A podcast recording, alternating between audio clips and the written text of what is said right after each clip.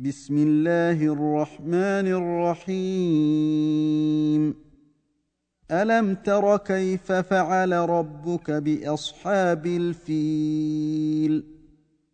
ألم يجعل كيدهم في تضليل؟ وأرسل عليهم طيرا أبابيل. ترميهم بحجارة من سجيل فجعلهم كعصف مأكول